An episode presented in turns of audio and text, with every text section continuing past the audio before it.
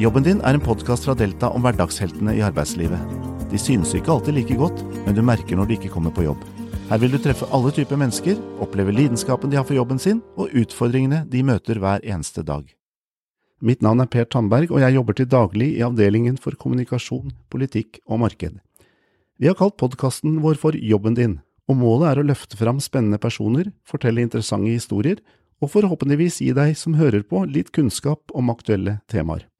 Og hva er mer naturlig enn at den aller første gjesten er kvinnen som sitter helt på toppen i vår egen organisasjon, nemlig Delta-leder Lissi Ruud Torkelsen. Velkommen hit, Lissi. Tusen takk. Før vi snakker litt mer om bakgrunnen din og hvem du egentlig er, så har jeg lyst til å stille deg et spørsmål om jobben din akkurat nå. Du er leder for mer enn 80 000 medlemmer. Det er mange som følger med på det du gjør. Er det litt skummelt? Det kan det kanskje være, men eh, aller mest så tenker jeg på det som en mulighet og som en inspirasjon til å gjøre en eh, best mulig jobb.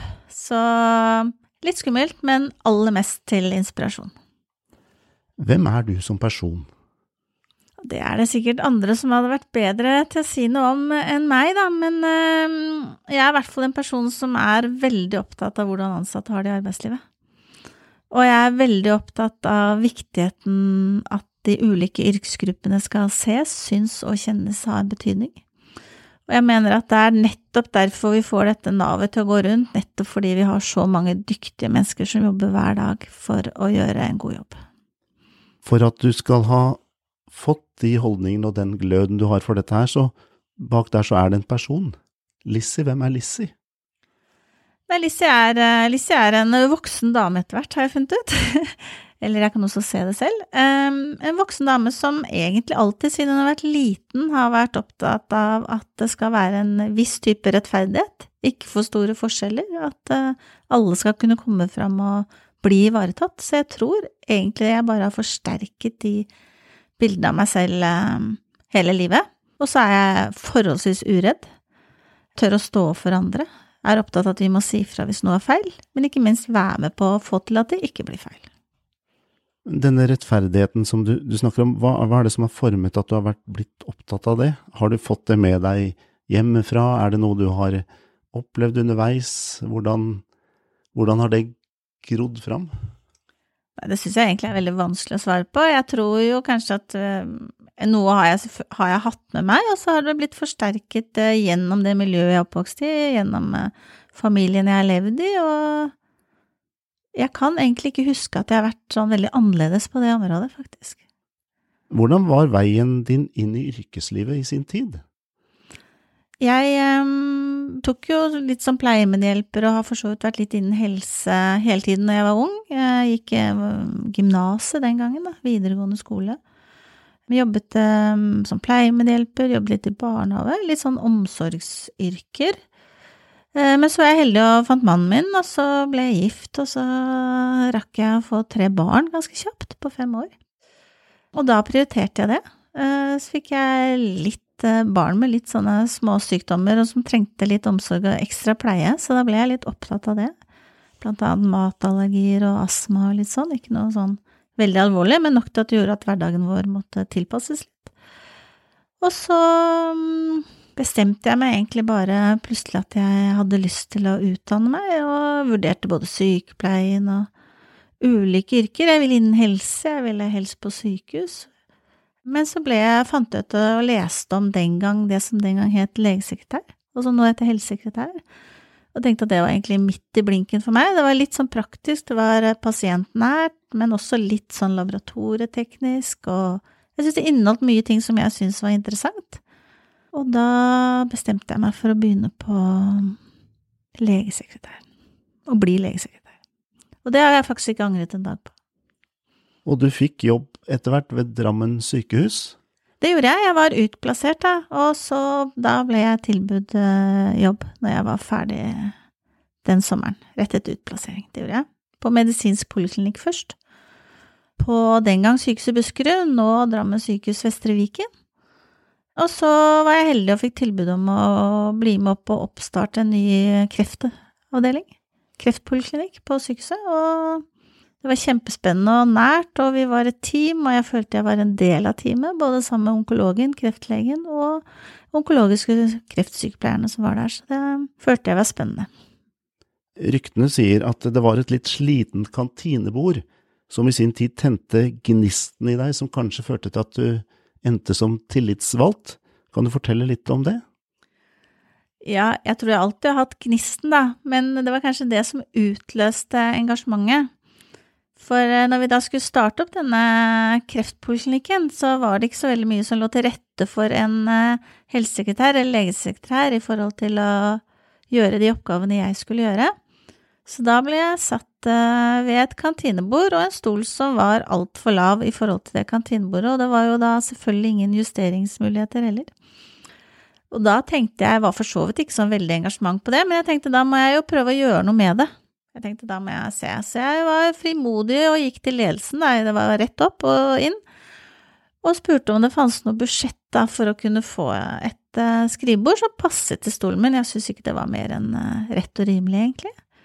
Da, da, lo de litt av meg, og for det første så hadde jeg ikke gått tjenestevei, og for det andre så um, hadde ikke Det var egentlig bare legene som hadde eget budsjett på den tiden der, da. Det er jo noen år siden, jeg håper det har blitt litt bedre i dag, men det er nok også et sånn syn på at man kanskje ikke er like flink til å se alle yrkesgruppene, og hvor viktige alle yrkesgruppene er, og at man trenger fasiliteter for å kunne gjøre jobben sin, da.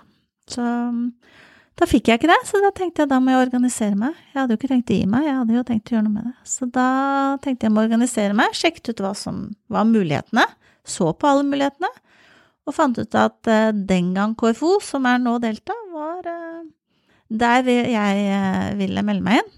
Og det skal også sies at jeg var også en av de som også spurte og så på hva, hvilke tilsvalgte som var i de ulike organisasjonene, og jeg fant en tilsvalgt som jeg fikk tillit til, og da var det veldig lett å melde seg inn i KFO. Og du ordnet seg med ny pult da? Det gjorde det. Jeg har snakket med en del som kjenner deg godt, og du, de sier at dette engasjementet ditt er sterkt også utenfor det du jobber med. Når gutta, altså de tre sønnene dine, mm. var små, så tok du trenerkurs i fotball. Var du en god fotballtrener? Nei. Sikkert for mye feil engasjement, mer heiing enn sånn opplæring, tror jeg. Men jeg har, eh, jeg har vært alt sånn oppmann, trener, ja, alle mulige oppgaver.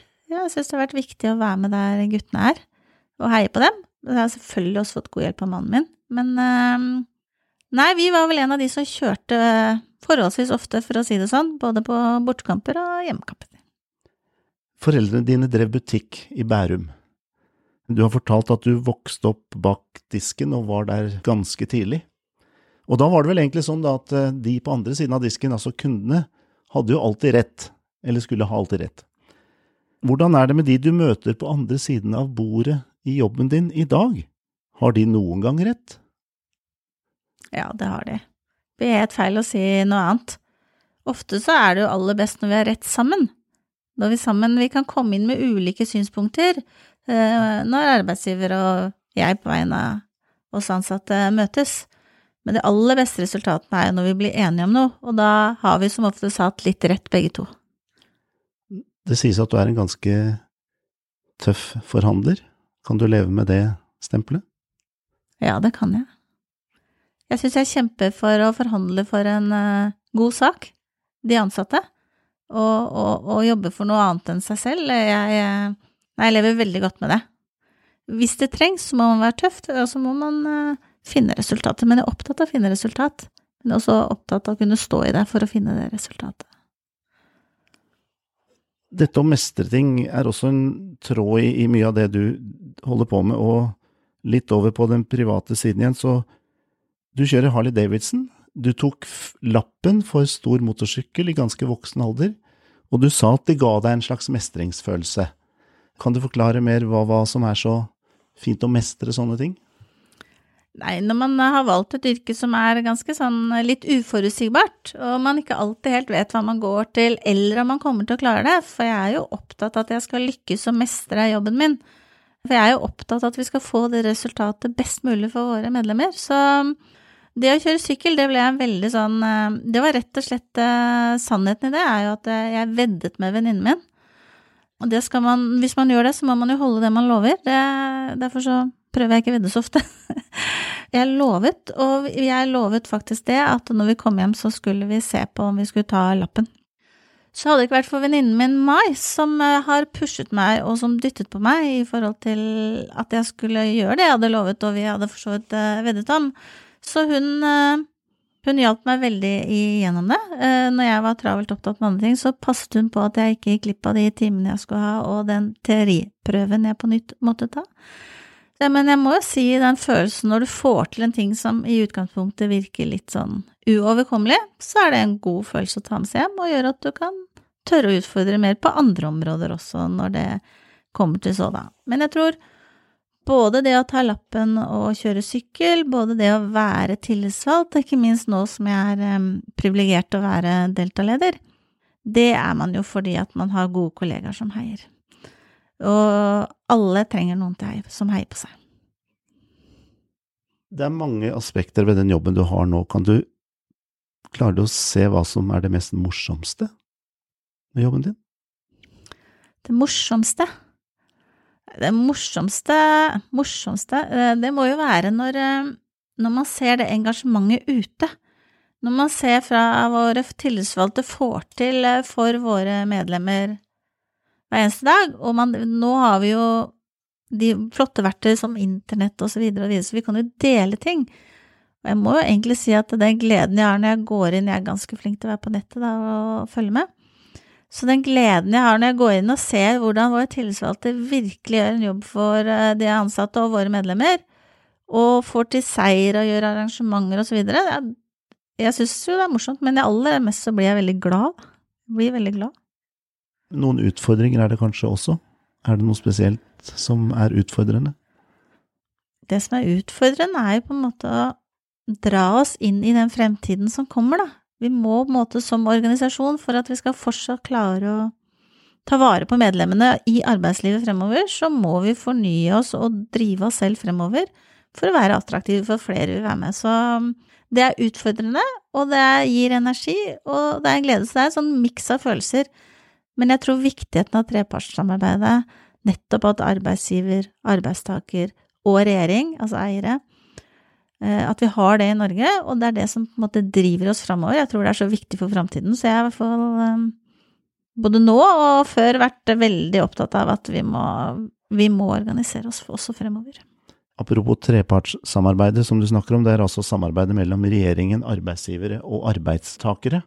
Det har er tradisjonelt vært veldig godt i Norge, og mange mener at det er en veldig veldig viktig faktor for velferden vår. Mm. Du var litt inne på det, men ser du for deg hvordan den modellen vil utvikle seg framover? Det er veldig spennende. Jeg er veldig opptatt av at vi hegner om den, men vi må jo også dra den inn i en moderne tid. Men jeg, jeg er helt sikker på at det er når de ansatte, og det er når eiere, og de som er, er, driver bedriften, men også driver landet. Det er når vi sammen virkelig setter oss ned og vil løse utfordringer og oppgaver som vi ønsker oss. Det er først da vi får det til. Jeg, jeg, jeg, er, helt, jeg er helt sikker på at det er den beste løsningen. Denne modellen overført til den enkelte arbeidsplass er jo også veldig viktig. Arbeidsgiver og de tillitsvalgte har løst mange saker eh, sammen, og det at alle blir hørt har ikke bare kommet den enkelte til gode, men også ført til innovasjon og utvikling. Er det noen skjær i sjøen for det lokale samarbeidet, slik du ser det? Ja, skjæret må jo være at hvis ikke vi alle sammen er opptatt av at det skal fortsette, hvis det er noen som tenker at arbeidsgiverne skal ha større styringsrett, hvis er, vi har politikere som tenker på at Stortinget skal beslutte å på en måte ikke ta med seg partene ute, så det er uansett hvis vi skaper ubalanse i den trekanten da, som er det trepartssamarbeidet, at uh, man bytter og veksler inn at noen får mye, mye større påvirkning eller styringsmakt enn det det er i dag, da er jeg engstelig for hvordan det blir. Hvis du skal velge deg to eller tre enkeltsaker som kanskje er det aller viktigste å jobbe med for deg som leder i Delta framover, hva vil du peke på da? Det første og det aller viktigste er jo at Delta må fortsette å være, for det har jeg lyst til å si, må fortsette å være så attraktive at eh, flest mulig vil melde seg inn, også blant de unge. Uten medlemmer, ikke noe delta, og ikke noe trepartssamarbeid ute. Så organisasjonsgrad, at folk melder seg inn, det er jo det aller, aller viktigste. Og for å lykkes med det, så må vi altså, som jeg sier, da må vi være attraktive. Da må vi se på oss selv. Hvordan driver vi? Hvordan bruker vi medlemmenes penger mest mulig til å ta vare på de ansatte på arbeidsplass? Så neste viktige oppgave framover, det tror jeg ikke i seg selv dreier om hva man har av utdannelse når man kommer inn i arbeidslivet, men jeg tror utviklingen som skjer nå, digitalisering, teknologi, demografi, økonomi, alt det tilsier at man må få læring på arbeidsplass. Og da må vi, både sentralt og lokalt, legge til rette for at den lærlingen, kontinuerlig lærling hele livet, må skje på arbeidsplass, og det tror jeg er noe av det viktigste vi må satse på fremover. I tillegg til lønn, i tillegg til alle de arbeidstid, arbeidsmiljø.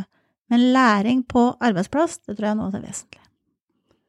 Det å være øverste leder er ofte en litt ensom posisjon. Føler du deg alene?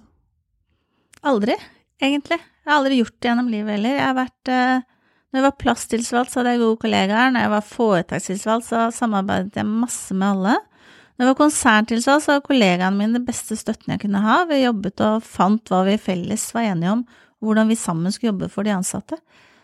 Nå i Delta så har, jeg, har vi et godt team hos oss. Vi har gode politiske rådgivere, vi har gode ansatte som hjelper oss å være gode, og ikke minst så har jeg alle mulige gode tillitsvalgtkollegaer der ute som heier og er sammen med, meg, så jeg føler meg absolutt ikke alene, og jeg passer ikke til å være alene, og jeg passer til å drive sammen med andre. Hvis du avslutningsvis skulle komme med en oppfordring til å bli tillitsvalgt, hva, hva, hva er det mest givende å være tillitsvalgt? Tillitsvalgt er at du får hjelpe andre. Du får hjelpe andre, du får hjelpe arbeidsplassen din, du kan bidra til arbeidsmiljø, og du, til og med når du gjør gode ting, så er det flere enn bare arbeidsplassen din som kan ha glede av det. Det sprer seg. Og så får man en enorm utvikling i seg selv på kanskje et område man ikke har tenkt over. Man lærer så mye, man blir opplært, man har rådgivere, man har andre tillitsvalgte å spørre. Veldig læring og egenutvikling. Så jeg anbefaler alle å bli tillitsvalgte. Det er egentlig, jeg pleier å si det er to ting man kan gjøre feil. Så jeg kan si det her også. Det er jo det at Og det er bare to ting. Tenk deg alle de tingene du står i som tilsalt. Og én ting som du kan gjøre feil, det er at du spør for lite. Hvis du spør for lite, så lærer du ikke nok, for det er et nytt felt, og du må komme inn i det når du ikke har vært i det før. Spør alt du kan, og gjenta spør helt til du får noen svar som du kan leve med. Den andre tingen som du kan gjøre feil, det er å skrive under på noe du ikke vet hva er. Hvis du ikke skriver under på noe du ikke vet hva er, og du spør nok, så kommer du til å få en eventyrlig reise ved å være tilsatt. Og det kan kanskje gjøre noe personlig for deg i din egen karriere òg? Det er en bra erfaring å ha med seg? Absolutt. Jeg tror å være tillitsvalgt på CV-en, det bør fremsnakkes, og det bør ha en stor betydning. Flott. Tusen takk. Takk for at jeg fikk komme. Du har nå hørt på Jobben din, en podkast fra Delta.